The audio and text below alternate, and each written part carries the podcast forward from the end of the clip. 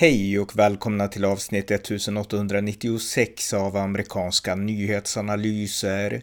En konservativ podcast med mig, Ronny Berggren, som kan stödjas på swishnummer 070-30 28 95 0. Här följer en uppdatering om det senaste i USA tillsammans med min svensk-amerikanske kollega Björn Nordström. Varmt välkomna! Björn Nordström, välkommen! Ja, hej tack så mycket. Idag är det 4 juli i USA, alltså USAs nationaldag. Hur ska det firas? Ja, det blir väl i vanlig ordning. Uh, det, det, är väldigt populärt här med det och uh, det blir väl fyrverkerier och det blir det, det, redan igår så sköts det fyrverkerier lite överallt så det är väl massa evenemang runt om hela området där jag bor. Varenda stad har väl sina grejer på gång med fyrverkerier och festligheter och allt vad det nu är. Så det finns massa grejer man kan göra och även då hela helgen faktiskt, både i lördags och i söndags så var det evenemang överallt. Så att det, liksom, det är inte bara en dag man firar nu utan det är flera dagar. Men jag tror också det har att göra med vilken delstat man är i. I Arizona är ju betydligt mer patriotisk än till exempel Vermont där jag var förut. Där i Vermont då så är man väl mer sparsam med firandet vad gäller offentliga firanden. Uh, privatpersoner firar ju, men här i Arizona så är det betydligt mer uh, offentliga grejer där kommuner och, och delstaten går in och gör grejer. Okej, det är ändå en sån skillnad, för jag fick ändå för mig ja. att alla amerikaner firar 4 juli, att det är liksom det oavsett hur man tänker om politiken så liksom står det över det partipolitiska, men det är inte riktigt så, eller? Jo, det var som jag nämnde, privatpersoner, det, det, det firar nog generellt överallt, men vad det gäller kommuner, att kommuner då uh, gör evenemang och så där, det är nog mer sånt i republikanska konservativa delstater än i vänsterliberala delstater. De anser väl kanske att man vill inte slösa pengar på ett sånt firande till exempel, va? Mm. Utan, utan det, det beror på, det skiljer, man skilja på privatpersoner och kommunledningen. Mm, eller delstatspolitikerna. Mm, just det. Eh, ja, eh, Okej, okay. men något annat då som vi ska prata om? Ja, vi har ju pratat också om det här mycket mer i Kalifornien. Då, delstaten Kalifornien så finns det en så kallad California Reparation Task Force. Med andra ord, det var ju de som gick in och talade om för Gavin Newsom då, det är en grupp då, svarta amerikaner i Kalifornien som gick in och sa att varje svart medborgare eller person som bor i Kalifornien borde få 3 miljoner dollar, hur mycket det nu var, som, som då i reparations från slaveriet ungefär, även om Kalifornien aldrig haft slaveri och så vidare. Och så vidare va?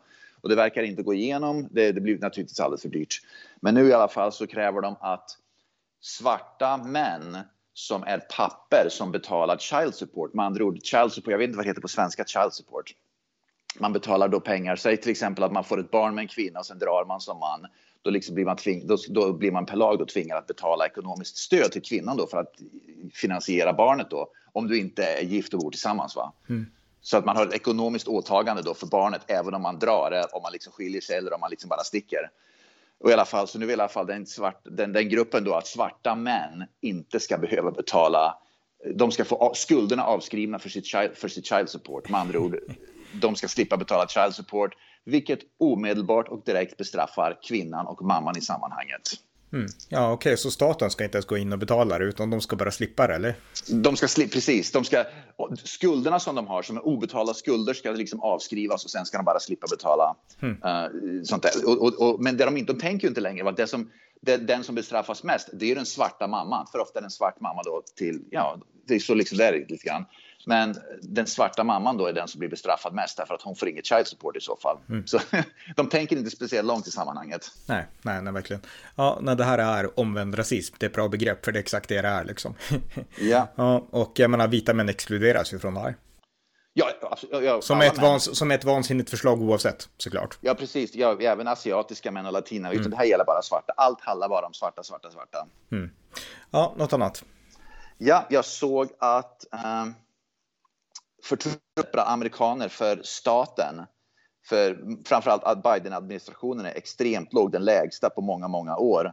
Endast 31 procent av amerikanska folket har confidence, vad heter det på svenska? Förtroende. Förtroende. förtroende. Förtroende för staten just nu. Endast 30... Eh, och eh, 61 procent har eh, väldigt lågt förtroende för staten. Hmm. Så att med andra ord, och det förstår jag. jag menar, med andra ord, och det är ganska typiskt amerikanskt det här också. Man, man litar inte på staten. Man, man liksom det, det spelar nästan ingen roll vem, vem som är president eller vilka som sitter i, i kongressen. Man litar helt enkelt inte på dem. Det är väl det som är skillnaden kanske på Sverige och USA väldigt mycket. I Sverige så kan staten köra Sverige åt skogen. Ändå så litar man på staten ungefär. Va? Men här i USA är man alltid jäkligt misstänksam till staten och det är en otrolig skillnad i folksjälen och i tänket kring det. Att man litar inte på staten. Och det är igen, Biden har ju kört liksom staten i, i botten här då. Men, men det spelar nästan ingen roll vem som är president. Jag tror 2006 så var den högsta siffran på många och då var det 61 procent, någonting 60 procent som litade på staten. Mm. Uh, men, men sen dess har siffran gått ner va? och det är väl ganska hälsosamt egentligen att man inte liksom lägger alla ägg i en korg och liksom litar på att staten ska fixa allt. Och det är väl det som är ett stort problem i Sverige, det är att man liksom räknar och litar med att staten ska fixa allt. Men det, det vi ser, det, det funkar ju inte så va. Men, men, en intressant fråga då, för vi har varit inne på det här förut du och jag. Jag menar precis som du säger här i Sverige, om det skulle hända något oavsett om det är en översvämning, en naturkatastrof, krig eller vad som helst annat, då litar vi som medborgare på att staten styr upp ja. det eller kommunen styr upp det. Så är det alltid liksom. Du som amerikan, jag menar, eh, om det skulle hända något, vem litar du på mest? Om det skulle hända något i natur, vad som helst liksom, vad är din instinktiva tillit liksom? För i Sverige är det ju staten grannen. Man litar liksom på, sina grann, på grannskapet. Sina, sina, om, om det är säg till exempel, det här har vi ju sett. Jag vet att i Vermont för några år sedan så var det en väldigt stor sån här, uh, det kallas för en uh, windstorm. Det var var och varannat träd i hela delstaten. Liksom. Det var en enorm, det var liksom orkan i Vermont, vilket är mm. väldigt ovanligt. Det var 2017 i oktober.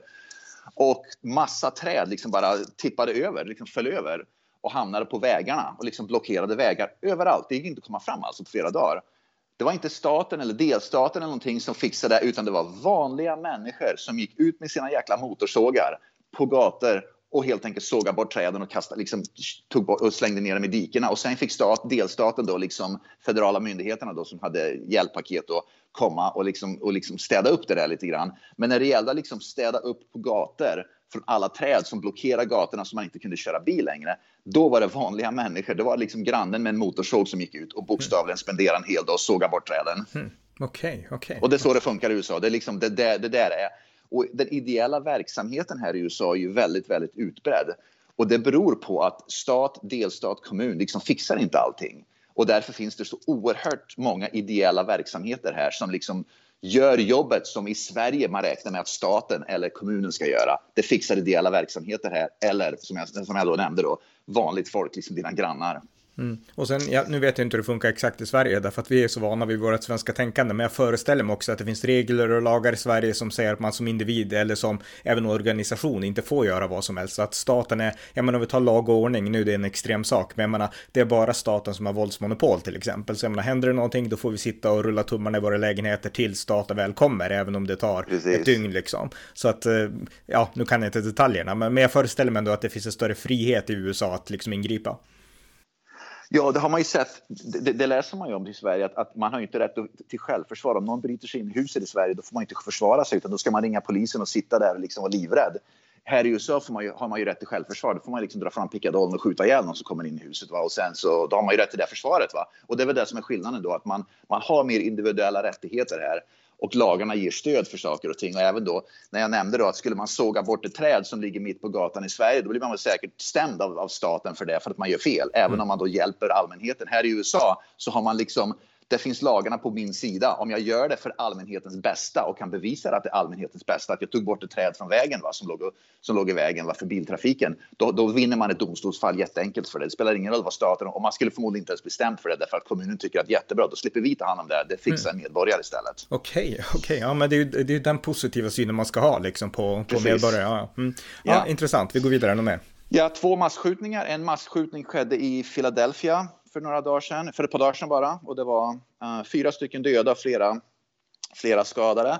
Och den andra skedde i delstaten Maryland. Det var minst två döda och 30 skadade. Så två masskjutningar. Ja, väldigt ont om detaljer, men de pratar om att det var såna här block parties, vilket är stora såna här fester som folk arrangerar utomhus.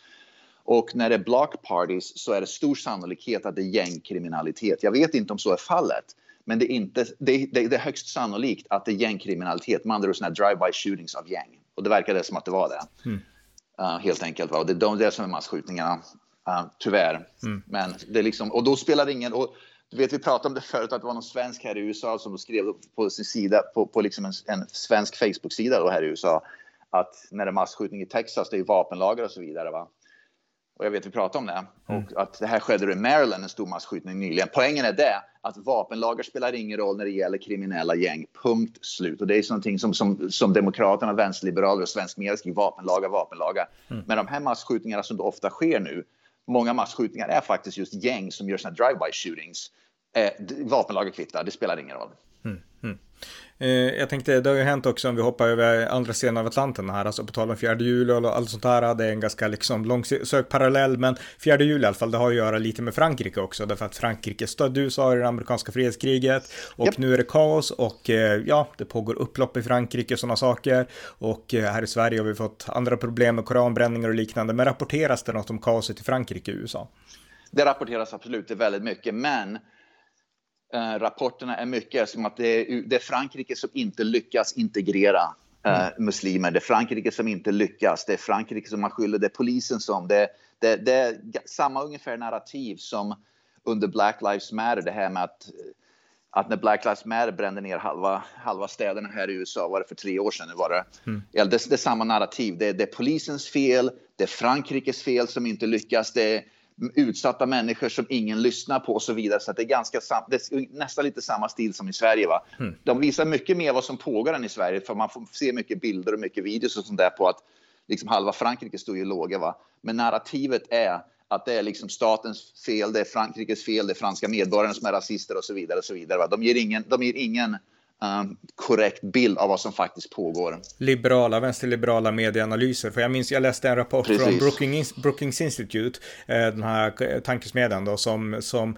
eh, en rapport som de skrev redan 2005 när det var upplopp och kravaller i, i Frankrike. Och ja. då skrev de exakt samma saker, att det här är dålig integration, det är Nicolas ja. Sarkozy som har tagit bort bidragen och så vidare och så vidare. Ja. Jag menar, det är ju tröttsamt. Jag menar, mainstream media måste lämna det där och inse att det beror inte på ekonomiska faktorer, det beror på kulturella faktorer. Och sen bara hamra in det liksom. Väst, liksom. Västerlänningar gör inte sådär, generellt i alla fall. Utan det här är ju ett nytt fenomen i Europa. För jag minns de upploppen i Frankrike 2005. Det där var helt nytt i Europa. Det var ingenting vi kände till liksom att sånt där ens skulle yeah. ske i Europa. Eh, och eh, det har ju liksom inte med ekonomi att göra, utan har att göra med kulturella faktorer, tyvärr. Och jag tror vänsterliberal mer, eftersom äh, muslim, gruppen muslimer i Europa och Frankrike framförallt är mycket, mycket, mycket större än här i USA så tror jag man har väldigt lite förståelse även i media här i USA problemen som, som växer fram och har växt fram de senaste åren i Europa mm. med just in, stor grupp muslimer som inte går att integreras av olika anledningar och så vidare. Och så vidare. Så det, det är liksom, jag tror inte riktigt man förstår bredden och vidden av problemen som faktiskt växer fram i Europa med den här muslimska invandringen. Det är någonting som USA inte förstår. Gemene man förstår det inte. För man, jag tror inte man förstår hur, hur många muslimer det är i, i Europa helt enkelt va? Um, just nu. Och problemen som det skapar och de här gettorna. I USA är gettorna ofta då, det är liksom bara fakta. Gettorna här i USA är ofta svarta getton. Mm jag tror inte man förstår att gettona i, i Europa är muslimska getton. Som Exakt. inte har någonting med hudfärg att göra, utan det har med kultur och religion att göra. Precis, för getton i USA, det har ju faktiskt historiskt med rasism att göra. Det har med liksom en, befolkning som ändå i grund och botten ja. är amerikaner. För jag menar, svarta ja. i USA är ju amerikaner som alla andra. Ja. Liksom. Medan i Europa är det ett helt annat problem. Och jag håller med om det. Det var intressant att du sa det. Därför att när man ser hur de amerikanerna tolkar det som händer i Frankrike då och det som händer i Frankrike nu och det som hänt i Sverige, då tolkar de det utifrån det här amerikanska paradigmet, som att de uppfattar yeah. det som händer i Europa på samma sätt som de korrekt uppfattar det som händer i Amerika, för där är analysen yeah. korrekt. Så att det, det är liksom amerikaners oförmåga att ta till sig andra perspektiv liksom. Och det hjälper inte när media, och framförallt vänsterliberal media, pumpar ut att det här en, ett visst narrativ. De försöker fram, framföra det här narrativet som att det är, det är, statens fel, det är allas andras fel. Och, och uh, muslimerna som bor i de här gettona i Europa då, det, de är offer. De är bara offer och utsatta och de liksom får inga möjligheter och så vidare. Och så vidare mm. Så att det, det, media här målar upp det på ett visst sätt som gör att, att amerikan, gemene man inte får en förståelse för vad som faktiskt pågår. Det, det fanns ju en president som sa look, look what's happening in Sweden. Sweden. Han, Precis. han, han hade lite rätt i alla fall. jag tror att ja. ärligt talat, skulle man då bryta ner det här på olika sätt och titta på demokrater och republikaner. Jag tror att demokrater, väldigt få demokrater har en förståelse för vad som pågår. Men många som stödjer Donald Trump på grund av att Donald Trump pratar just om sånt här mm. tror jag har en bättre förståelse. Det och, det, och det intressanta här är att liberalerna då, som inte förstår det här, de tror ju att de är liksom beresta och intellektuella, att de förstår yeah. Europa till, till skillnad från liksom korkade rednecks liksom. Men kom ihåg när de reser till Europa, om, om, när liberalerna, amerikanska demokrater och liberaler reser till exempel Paris då, eller Marseille, de reser ju till Champs-Élysées och de här fina områdena. De går ju inte in i de här muslimska gettona för att se vad som pågår där. Va? De liksom, det är någonting som de inte bryr sig om. De mm. struntar ju där. Va? Mm. Så att, ja. ja, intressant. Vi går vidare. Något mer? Ja, jag ser att vi har pratat om det här förut också. Och för ungefär tre år sedan då när här Black Lives Matter hände här i USA, då, så där jag bor nere i Phoenix, så var det många skolor som ville göra sig av. Man hade, skolor här normalt har ju då en polisverksamhet på skolorna. Det är liksom kallar det för en Liksom det är en polis då som, som är polis då, men också för att liksom lära känna barnen, lära känna familjerna, liksom bara vara en, en del av skolan. Och liksom så att man liksom bygger en bro mellan, mellan skolmyn, skolan och mellan polismyndigheten. Då. Mm. Och sen, gjordes, sen, gjordes, sen blev det ju populärt då för tre år sedan då att göra sig av med alla de här poliserna. Det gjorde det att många polismyndigheter, framförallt just nu då, så har, har uh, Phoenix, staden Phoenix kapar ju liksom den budgeten. Va? Och man anställde inga nya och så vidare. Ja, Nu är det ju panik därför att nu vill ju alla helt plötsligt börja anställa poliser igen för att jobba på skolorna. Men det finns inga poliser. Phoenix polismyndighet går ut och sagt att på grund av det som skedde för tre år sedan att man då skulle liksom defunda polis och allting så har liksom vi inte kunnat anställa. Vi har dragit ner på anställningarna. Vi, vi har för få poliser till att börja med. Det är ingen som vill bli polis längre därför att hatretoriken mot poliser var så stark så vanliga liksom, folk vill inte bli utbildade till poliser längre. Och vi helt enkelt avslutade liksom programmet då i Phoenix som har med skolverksamhet att göra därför att ni sa att det var värdelöst. Ni ville bara kasta... Ni, eh, liksom, Phoenix styrs av demokrater staden Phoenix styrs av demokrater. Ni ville bara kasta bort det programmet så vi, vi, vi dumpade helt enkelt. Va? Så nu när vi, ni vill ha massa poliser igen och jobba med Phoenix Police Department så finns det inga poliser som kan komma till era skolor längre. De, de, de finns inte, så ni får klara er själva nu. Det är bokstavligen det som har liksom skett. Hmm. Okej. Okay. Ja. Yep. Ja. Så, men, det, men, det, visar ju också att vänsterliberalerna, de, de gör sig av med någonting som fungerar, de kastar bort det och sen så hetsar de och hatar dem och sen vill de ha tillbaka det och då, då finns det inte. Och vilka blir lidande? Det blir barn, lärare och vanliga familjer som nu inte har, som inte har um, liksom möjligheten att ha poliser på skolorna mm. nu när våldet går upp i skolor. Mm. Ja. ja, något mer? Ja. Uh, det här court case som vi tog upp var i lördags tror jag det var med en gra graphic designer som då uh, av religionsfriheten då uh, inte behövde göra en, en webbsida för, för ett homosexuellt par. Kommer du ihåg det? Vi snackade ja, ja, ja absolut. Mm, mm. Och det, det här HD-domstolet va? Personen som HD, amerikanska HD, citerade har gått ut och sagt att han inte är den personen som HD tog upp. Mm. Okay. Han, är gift, han är gift med en kvinna sedan tio år. Han sa att de har fått fel namn, fel, allt blir fel. Jag är inte den personen, jag är gift med en kvinna. Så att mitt namn hamnade i ett HD-beslut som personen som stämde den här, uh, den här graphic designer-verksamheten.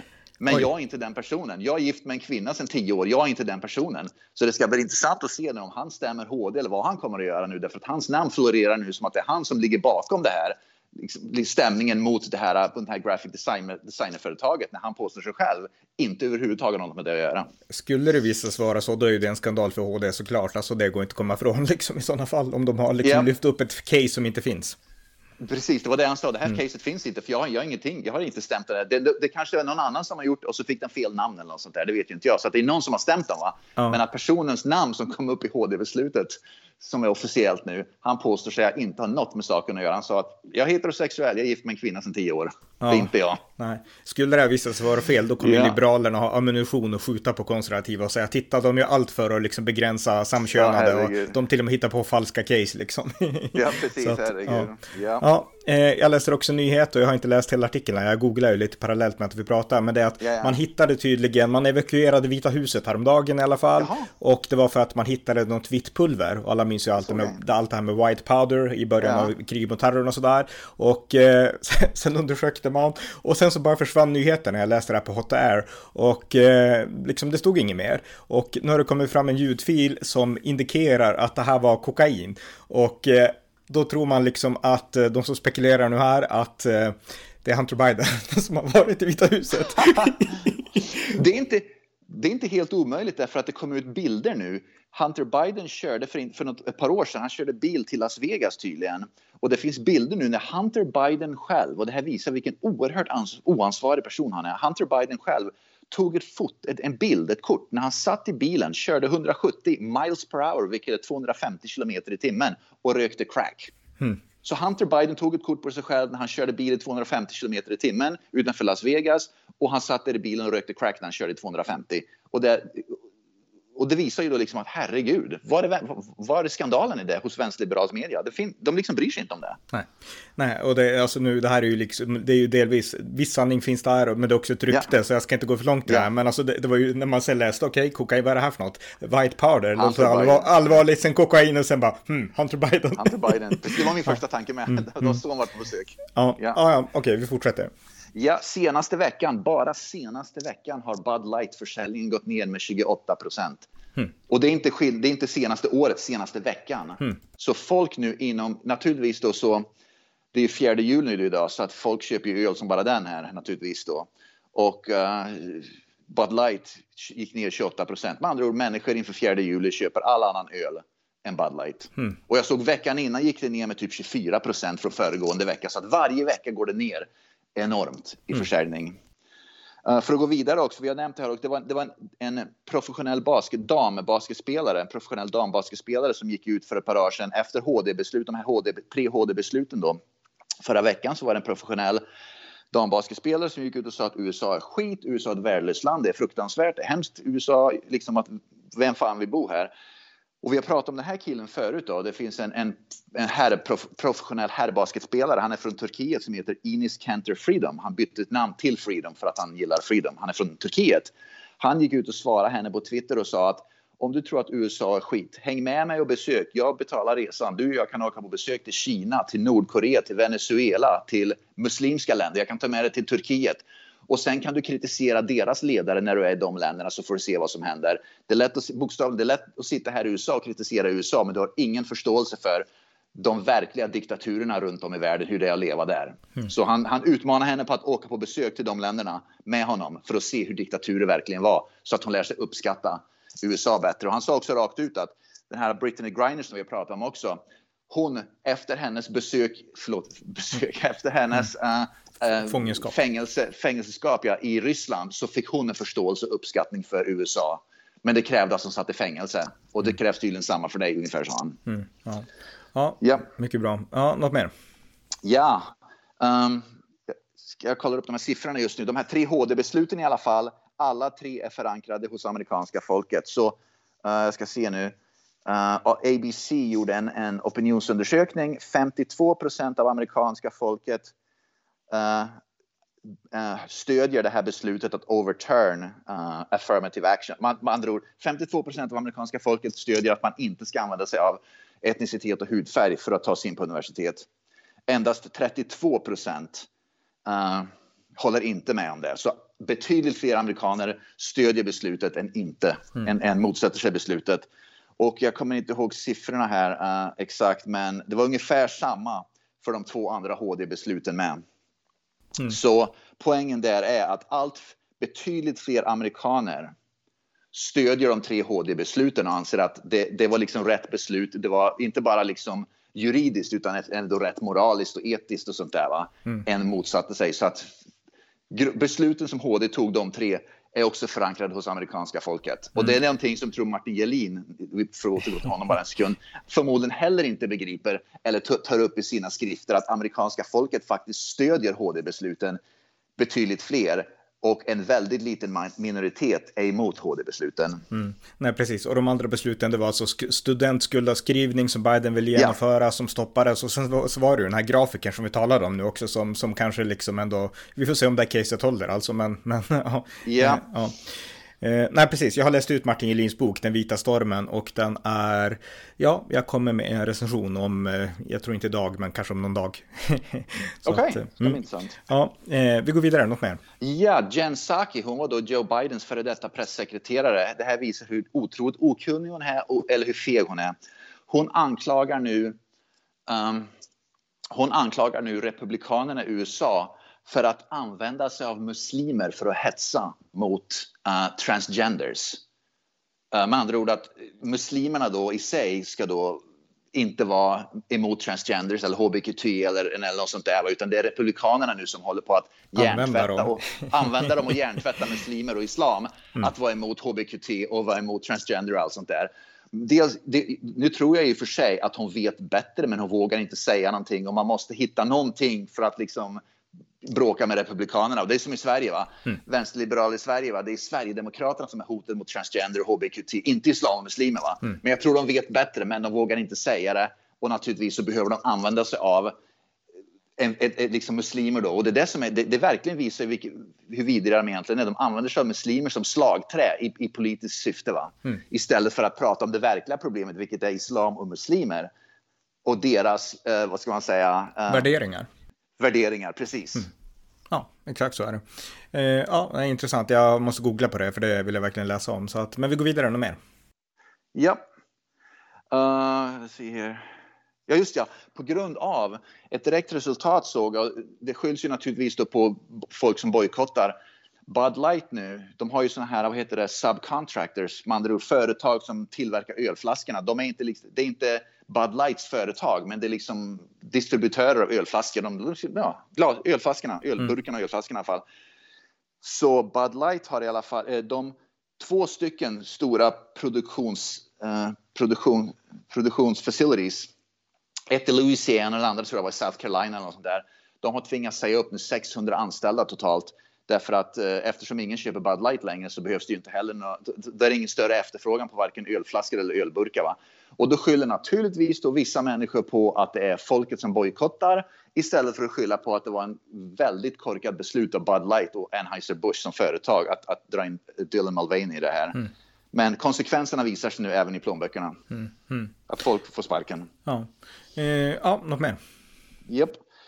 Uh, ja, just ja. Eh, det finns en känd kvinna, en svart kvinna, vänsterliberal. Hon är väl förmodligen mycket mer vänster än liberal. Hon heter Jamil Hill och hon är en, en, en sportreporter, en av de mest kända sportreportrarna här i USA, journalist, sportjournalister här i USA, idrottsjournalisterna i USA. Och hon är väldigt, hon, hon är väldigt kritisk till HD-beslutet då. Det här med affirmative action och så vidare. Va? Och uh, HD-beslutet som togs då att affirmative action skulle stoppas. Man får inte längre använda uh, ja, um, mm, kvotering. hudfärg. Ja, mm. ja kvoteringar, mm. precis. Hudfärg. Ras, ras. Hon i alla mm. fall sa att hon, och det här visar ju hennes rasism. Hon gick ut och sa att asiater har ställt, har ställt upp nu som verktyg för vitmaktsrörelsen i USA. Så, så att asiat, det är asiaterna då som har missgynnats. Muslimer, asiater, alla, liksom, ja. alla är verktyg i ja, den här vita ondska. Ja. Precis, det är precis det hon sa. Det. Asiaterna ställer sig frivilligt nu att bli verktyg för, den, för vitmaktrörelsen. Det är alltså helt otroligt. Mm. Snacka om att vara rasistisk mot asiater och helt nedvärdera asiaters förmåga att tänka själva. Mm. Samtidigt har asiater här i USA jublat asiatiska ledare, asiatiska liksom gräsrotsfolket här har jublat och sagt äntligen kan vi som asiater få samma möjligheter på, på meriter att ta sig in på universitet där vi tidigare har blivit nekade på grund av att vi har fel hudfärg. Mm. Ja. ja, precis. Något mer? Ja, jag såg att um, AOC, Alexandra Cortesio-Cortez, Alexandra Ocasio-Cortez, mm. hon vill att HD, högsta domstolen i USA, hon är ju rosenrasande också naturligtvis. Mm. Hon vill att HD i USA ska få mindre makt. De ska få, begr- förlåt, hon använder ordet begränsad makt, limited, begränsad makt. Hon vill begränsa makten för HD. Och min tanke är ju så här, nummer ett, HD har ju redan en begränsad makt. Det är maktfördelning som gäller här i USA, så HD har ju en begränsad makt redan. Så att, hur, att de ska få en begränsad makt, det behöver man ju inte ens diskutera, för makten är ju redan begränsad hos HD. Nummer två, hon vill begränsa makten om HD röstar citattecken fel, men, om, men hon vill samtidigt utöka antalet domare i HD så att de kan rösta citattecken rätt mm. helt enkelt. Så hon vill, hon vill att HD ska ha, ha obegränsad makt när de röstar citattecken rätt, men röstar de citattecken fel, då ska det vara begränsad makt. Mm. Alltså det visar ju hyckleriet bakom det hela. Ja, och det är ju helt vansinnigt. Nej, exakt, courtpacking, det som Biden flörtade med också när Precis. han kandiderade. Jag menar, det här är ju livsfarligt, för det visar verkligen att de här vill verkligen göra. Det spelar ingen roll om de håller med i HDs beslut. Jag menar, de har den yttersta makten, men om man inte är nöjd med HD, då får man liksom anpassa sig till det i alla fall, därför att det är så institutionen ser ut. Eh, och så får man bita ihop. Men de här vill ju verkligen påverka så att institutionen blir politiserad efter deras egna liksom, önskemål. Liksom. Ja. Så det, det, är helt vansinnigt. Ja. Så att hon, de har ingen respekt nej, för institutionen i sig. Nej, ja. nej exakt. Ingen exakt. respekt för institutionen i sig. Uh, ett par andra galna saker som sker. Uh, flyg inte United Airlines kan man väl säga nu därför att uh, vdn för United Airlines, det stora amerikanska flygbolaget, har gått ut och sagt det viktigaste när man anställer piloter och personal, även piloter, är mångfald inte kunskap, skicklighet eller erfarenhet att flyga ett plan, utan det är mångfald. Och då får man tänka på det här med Ocean Gate, mångfaldet där eller vad det nu var. Mm. Det, det ledde ju inte till speciellt bra resultat. Va? Men en, en, en vd för ett flygbolag som går ut och säger att det viktigaste nu är att anställa mångfald som piloter. Vi behöver färre vita män som är piloter. Va? Det är helt vansinnigt med, med, med liksom den tanken. Va? Jag trodde man ville ha de absolut bästa piloterna som kan starta och landa ett plan och, och liksom, utan att krascha det. Va? Men tydligen så gäller inte det längre för, mm. för United Airlines. Nej, nej, precis. Ja, hade du något mer? Ja, några saker till. USA Today, vilket är en vänsterliberal tidning. Det var en, en opinionstext i USA Today som konstaterade, och det här visar ju också vänsterelitens tänkande egentligen. Eh, det var en opinionstext nu som skrev att det var någon republikan, jag minns inte vem det var, jag läser så himla mycket, va? någon mm. republikan som inte hade någon erfarenhet som blev invald som politiker på lokalnivå någonstans, eller delstatsnivå. I alla fall utan någon form av politiska erfarenheter. Va? Och enligt USA Today, står den här opinionstexten då, skrev att, att det är livsfarligt att rösta in människor utan politiska erfarenheter. Det är uh, ett hot mot landet. Så människor utan tidigare politiska erfarenheter genom allmänna val blir inröstade på politiska poster utan erfarenhet, tidigare erfarenheter så blir det ett direkt hot mot landet om de är republikaner naturligtvis. Och det visar just elitismen i det hela. Va? Jag trodde liksom att det, det är faktiskt bra att människor utan tidigare politiska erfarenheter kommer in. Det är liksom det som är tanken med politiken, att människor ska kunna komma in utan erfarenheter just för att bidra med, med mångfald och så vidare och med ett nytt tänkande och kanske och det var ju så Donald Trump egentligen blev president. Va? Men tydligen så är man hot, ett, ett, hot mot landet nu om man är republikan. Om man är demokrat däremot, då är det okej okay att inte ha erfarenheter. Det är positivt. Mm, ja, precis. Ja, något annat? Japp. Uh, Mayor, uh, vad heter han? Eric Adams som är borgmästare för, uh, för New York. Ja, han i alla fall, New York har ju så himla dåliga skolor. Va? Det, det, var och varannan elev, det är som Chicago, va? var och varannan elev i skolan i New York kan ju inte läsa och skriva. De går ut med ofullständiga betyg och så det är totalt kaos där, alltså skolsystemet. Mm. Så borgmästaren då, Eric Adams, har hittat lösningen, tror han.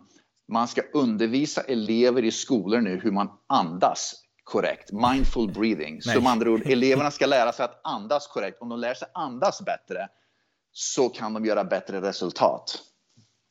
Och hur det, jag, jag förstår liksom inte var det kommer ifrån, men, men det ska i alla fall, så lösningen nu är att de ska göra mindful breathing i skolan i New York för att få bättre studieresultat. Ja, och det är helt vansinnigt. Jag menar, mindfulness, det kommer i grund och botten, det är ju liksom en, alltså det kommer från hinduismen i grund och botten, yoga och ja. sånt här. Och jag menar, tänk om de skulle föreslå att vi ska införa skolbön, kristen skolbön i New York. Precis. Så jag ja. menar, det är ju helt, eh, det hade ju ingen accepterat, eh, tyvärr, ja. säger jag då. Men, men liksom, det är ju, ja, det här visar verkligen vansinnigt. Ja, och det visar också att de är desperata. Det finns inga lösningar. Grundproblemet, kom, de vägrar att inse grundproblemet och de vägrar att ta itu med det och de hittar det frycker istället. Det är så USAs skolor är. Och det var faktiskt någonting som var väldigt, väldigt bra.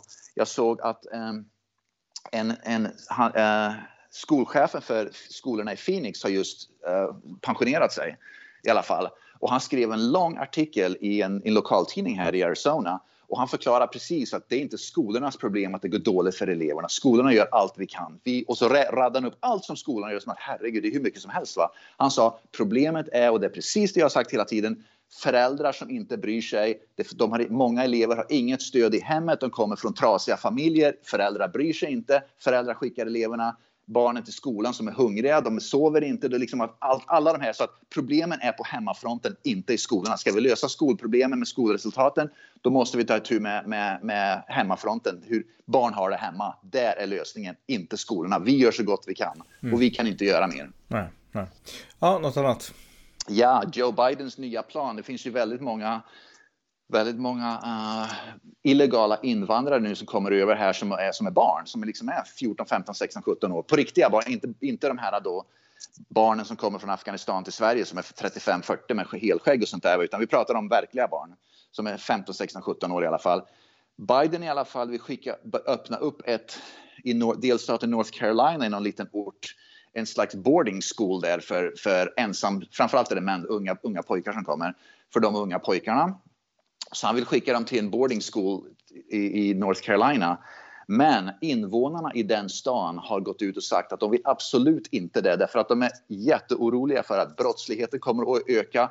De är oroliga för sina familjer. De, liksom, ja, Mm. Skicka, skicka tusen, ta en liten ort, en liten ort där du skickar då kanske tusen 16-17-åringar liksom 16-17-åringar pojkar um, som är illegala invandrare och sen se vad som händer. Det ser vi i Sverige med. Mm. Uh, så, att jag, så att i alla fall så motståndet på lokal nivå finns att Biden ska inte kunna skicka dit dem. Så vad som händer, vad som kommer hända, det vet jag inte. Men, men det är inte direkt så att folk på lokal nivå ty tycker att det här är en jättebra idé. Nej, nej, precis. Det var som Fredrik Reinfeldt när han flög över Norrland och så sa han att här finns det många skogar, vi kan ta in massinvandring, alltså fritt citerat. Precis, något sånt. precis. Så att, ja. ja. ja, hade du mer? Ja, jag har en sak till. Kommer du ihåg den där tjejen, den kvinnan som, var, som studerade i University of Cincinnati? Och hon var då, hon blev bestraffad, hon skrev en, en, inte en uppsats, men en, en proposal. Proposal är då en, en, man skriver typ en sida där man gör ett proposal, vilken uppsats man vill skriva. Hon använde ordet biologisk kvinna och sen blev hon bestraffad då, och hon blev underkänd på sin proposal därför att hon använde ordet biologisk kvinna. Bla, bla, bla, bla, bla. Professorn har i alla fall nu blivit, Eh, blivit bestraffad av universitetet. Så universitetet har nu krävt att professorn, om professorn vill jobba kvar på universitetet så måste den där professorn gå en kurs i yttrandefrihet. För att hon ska då lära sig förstå bättre vad yttrandefrihet innebär och att elever har, har rätten att uttrycka sig genom yttrandefriheten på universitetet. Mycket bra. Så det var en alldeles utmärkt bestraffning tycker jag. Mm, ja, ja, verkligen, verkligen. Nej, men det är så glädjande att det finns ändå de här sunda institutionerna i USA samtidigt som det händer så mycket liksom konstigheter åt alla håll. Ja, oh, mm. en sista sak jag vill ta upp förresten. En sista sak. Um, du vet den här um, HD-domen då som de tog upp angående det här graphic designer och mm. det här homosexuella mm. i alla fall. Uh, vad heter hon? Uh, Sotomayor, domaren mm. Sotomayor, vad heter hon förnamn? Uh, ja, Sonja. Ja, i alla fall. Sonja. Sonja Sotomayor, hon som är liberal domare va?